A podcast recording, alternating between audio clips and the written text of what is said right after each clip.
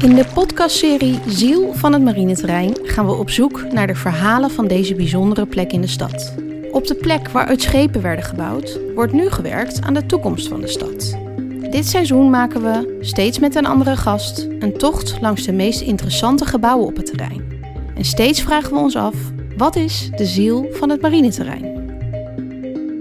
In deze aflevering van De Ziel van het Marineterrein bezoeken we het depot van het Scheepvaartmuseum. Een titanium gevaarte dat oprijst achter de muur van het marineterrein. Talloze schatten uit de maritieme geschiedenis liggen er veilig opgeborgen. Samen met de ontwerper Liesbert van der Pol van Dok Architecten bezoeken we dit spectaculaire gebouw. De gebruikte materialen en installaties zijn van een ongekend hoge kwaliteit, bedoeld om vele generaties mee te gaan. Maar wat als het in de toekomst geen depot kan blijven? Zijn andere functies denkbaar? Mooi. We kijken naar het uh, depotgebouw. Als je er langs rijdt vanaf de weg. Kattenburgerstraat eigenlijk. Kattenburgerstraat. Als je naar het Scheepvaartmuseum fietst Ja, dan zie je eigenlijk een soort grote schuur met drie grote bulten. En hij is glanzend in het licht. Beetje aluminiumachtige kleur. Hij, ja, hij heeft verschillende kleuren. Bij heel zonlicht is hij ineens heel goudachtig. En bij wat grijzer weer, wat het natuurlijk meestal is in Nederland, is hij meer zilverachtig. Het is ook een edelmetaal. Hij is van titanium. Van titanium. Mooi. Dus dat is het materiaal. Het is een edelmetaal. Ga maar eens na. Heel veel mensen hebben zo'n heel klein brilletje. Heel duur brilletje. En dat is van titanium. En dit hele gebouw is van titanium. 100%. Ja, jij zegt schuur, maar ik vind het ook bijna een beetje futuristisch. Hè? Het, zijn, het, is, uh, het is wel uh, spacey. Ja, je zou hem kunnen zien als een schip, een soort omgekeerd schip. Zo hebben we hem ook wel eens aan de marine verkocht natuurlijk. Om de goedkeuring te krijgen op het ontwerp hebben we gezegd... als je goed door je oogharen kijkt, is het een soort onderzeeër. Denk maar aan een onderzeeër. We staan nu eigenlijk net aan de andere kant van de muur. Dus je fietst aan de achterkant en wij staan aan de binnenkant. En dan is het maar een, een, een, paar meter en daar staat het gebouw meteen naast de muur. Hier mag eigenlijk mogen alleen maar marinemensen komen. En natuurlijk de architect van het depot van het Scheepvaartmuseum, Liesbeth van der Pol. Daar loop ik nu mee. Ja, toen wij hier voor het eerst kwamen, stond hier een grote loods. Eigenlijk een vrij ja, rommelige loods vond ik het voor een marineterrein. En, uh, maar ik vond hem toch heel mooi. En hij inspireerde ons ook om uh, een nieuwe loods te maken. En het is het depot van het Scheepvaartmuseum.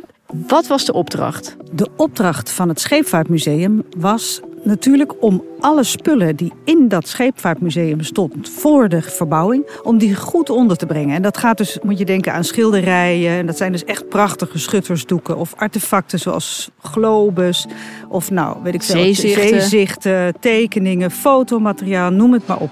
Dat lag eigenlijk allemaal verspreid in dat oude scheepvaartmuseum en onder de kap een beetje weg te kwijn. Dus daar moest een echt goed degelijk ding voor komen. Nou, het Rijk had daar opdracht voor gegeven en mij die opdracht gegeven. Prachtig. Wauw. En dat nam je met beide handen aan, hè, neem ik aan. Want dat trof je allemaal aan en je dacht, daar moet een gebouw voor komen. En had je meteen een idee? Nee, je gaat eerst kijken naar de locatie. Het was natuurlijk wel duidelijk dat dat marineterrein, dat was toen nog een gesloten vesting, dat dat natuurlijk super beveiligd was. Dus ja. wij konden ons geen betere plek dromen dan achter die muren van dat marineterrein. Beter beveiligd zouden de spullen van het museum nooit worden. Dus toen we gingen kijken, vond ik eigenlijk wel fantastisch. Toen dacht ik nog, het wordt een heel open gebouw met heel veel glas. Dan kan iedereen zien hoe we al die scheepsmodelletjes renoveren.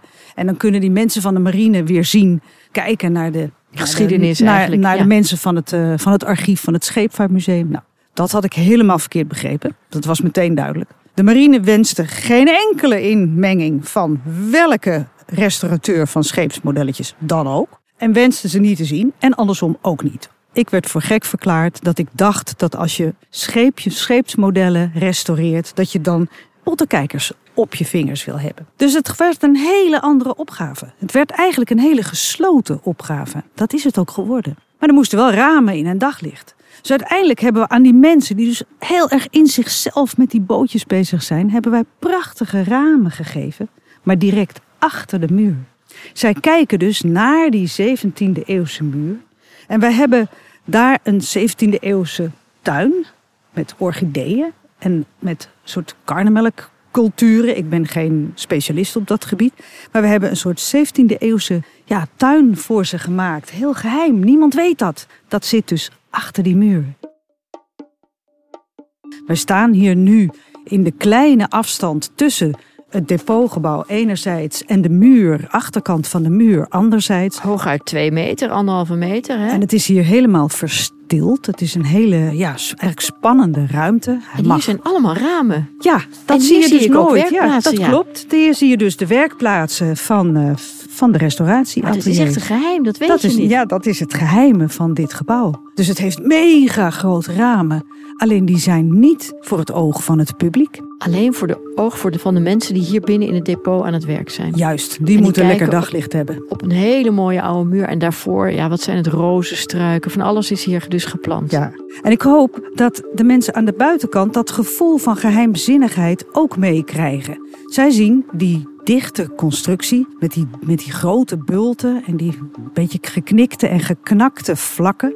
En ik hoop dat zij zich afvragen, wat voor moois zou daarin zitten? Wat, wat verbergen wij hier? En precies die gedachte hoort bij zo'n gebouw als dit. Dat is ook zo. Maar wat ook belangrijk is, is dat het ook een heel duurzaam gebouw is. Oh, titanium, dat is namelijk niet te verwoesten. Dat wordt gegarandeerd voor 300 jaar. Zo. Dat is dus langer dan, dan de constructie zal staan, zal de buitenhuid blijven bestaan.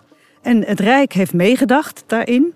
Van als we nou een gebouw maken waarvan de buitenhuid zo duurzaam is dat hij werkelijk zonder enig onderhoud 300 jaar kan blijven bestaan, dan willen wij daar wel eenmalig heel goed in investeren. En dat is gebeurd. Mooi. Nu eh, op dit marineterrein. Deze podcast gaat over eh, de ziel van het marineterrein. Eh staan er veel gebouwen. Jij bent architect. Het gebouw uit de jaren 60. Die muur die, is, die is al meer dan 300 jaar oud. Heb jij rekening gehouden met je ontwerp? Ook met zeg maar die gebouwen die hier verder nog staan? Ja, het begint natuurlijk dat je bouwt op een plek waar in de grond al geschiedenis van het maken van schepen zat. Toen wij gingen eh, ja, heien en, en graven om fundering te maken, toen kwamen we al de meest fantastische teerpotten en kookpotten en keukenonderdelen tegen. Toen zijn er een hele lange periode, heeft de- de afdeling archeologie van Amsterdam, heeft zich daar eh, natuurlijk eh, op kunnen ja, verlustigen, Storten, zou ja, ik als willen zeggen. En pas daarna konden wij dit gebouw. Hè. Dus het is laag op laag op laag op laag. En ik hoopte toen dat dit gebouw door zijn enerzijds kwetsbaarheid met zijn dunne titaniumplaten, anderzijds zijn stoerheid omdat het zo gesloten mastodont is, dat het respect afdwingt naar de omgeving en ook respect afdwingt naar het marineterrein. En ik geloof dat dat ook wel zo is. In die bulten zitten trouwens alle installaties. We hebben eh, de installaties natuurlijk buiten de betonnen binnenschil gehouden, want daarbinnen liggen alle artefacten. En de buitenschil, ja, die moet natuurlijk al de installaties die ervoor nodig zijn om die spullen goed op temperatuur te houden, die moeten dat verhullen. Dus vandaar dat die bulten daarop zitten en ook die knikken en die knakken in die buitenhuid zitten. Want precies op die breedste stukken, daar zitten de trappenhuizen. Als we naar binnen gaan, dan kan je dus met die trappenhuizen tot boven in die kathedralen komen. Dat is echt fantastisch om te Dan zien. gaan we eventjes binnenin kijken. Die doos-in-doos constructie, toch? Dan kunnen we langs die gangen. Want helemaal binnen in het depot mogen we niet. Maar we kunnen wel daar een stukje kijken. Hoe jij dat gemaakt hebt. Nou, we lopen nu eigenlijk naar het gebouw toe. En hier kunnen we naar binnen. En wat... eh Lisbeth, jij, jij weet de weg. Ik ga wel voor. Je komt nu binnen en eigenlijk meteen in die tussenruimte tussen... Kijk, hier zie je die betonnen wand van het echte depot. Ja. En hier, als je schuin omhoog kijkt, dan zie je die rode constructie die overal doorloopt. En daartussen zie je een trap. Die wou ik Ja. even met je oplopen. Leuk. En je ziet al hoe smal de ruimte hier wordt. Zo. En naar boven toe steeds smaller. Ja. En daar helemaal boven, je ziet het al aankomen. Ja. Daar zie je de eigenlijk grote ruimte. Oh ja. Ik noem het altijd de kathedraal. Waar eh, al die installaties staan te brommen. Ja, dat zijn de, dus de, de airconditioning en, en vocht en alles. Ja, en alle pijperij die daarbij hoort, die Ja. loopt dus ook buitenom.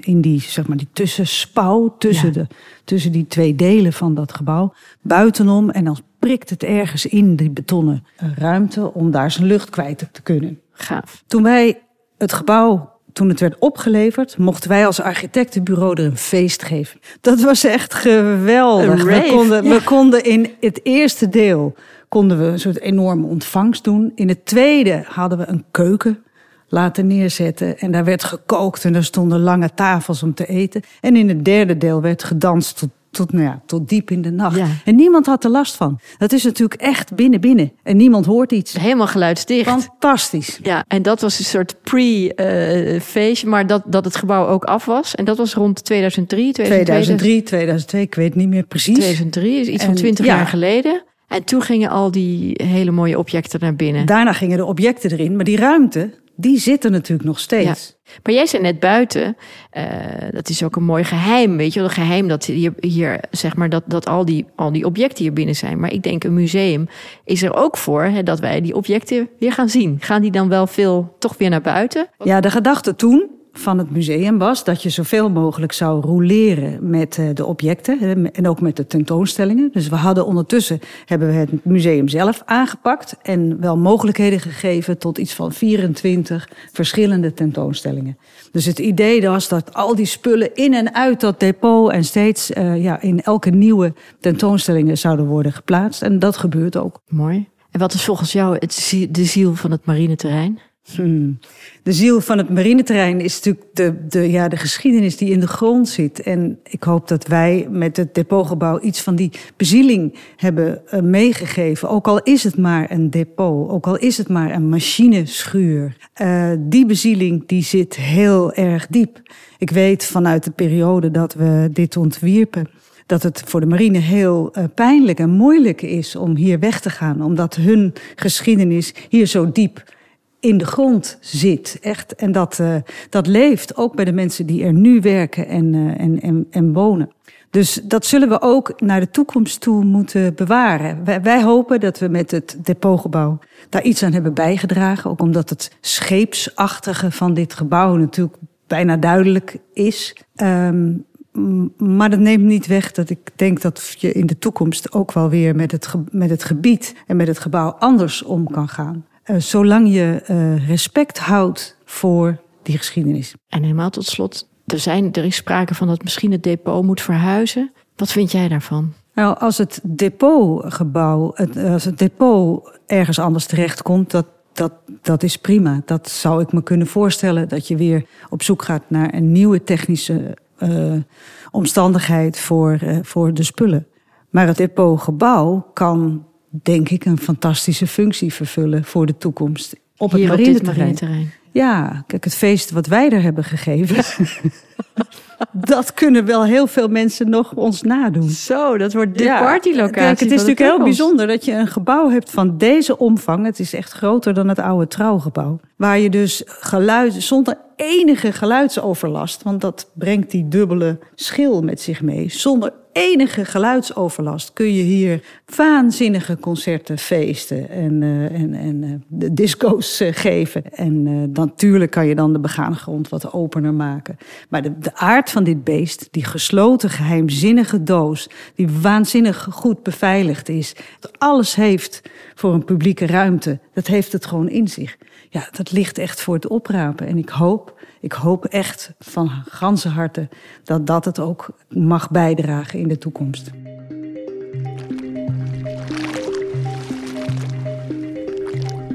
Dit verhaal maakt deel uit van een serie podcasts over de meest bijzondere gebouwen van het marineterrein. Deze serie is in opdracht van Bureau Marineterrein, gemaakt door Andrea van Pol, Susanne Bartholomeus en Jacqueline Verheugen. De montage is verzorgd door Woozy Agency. Wil je meer verhalen horen? Ga dan naar marineterrein.nl/ziel.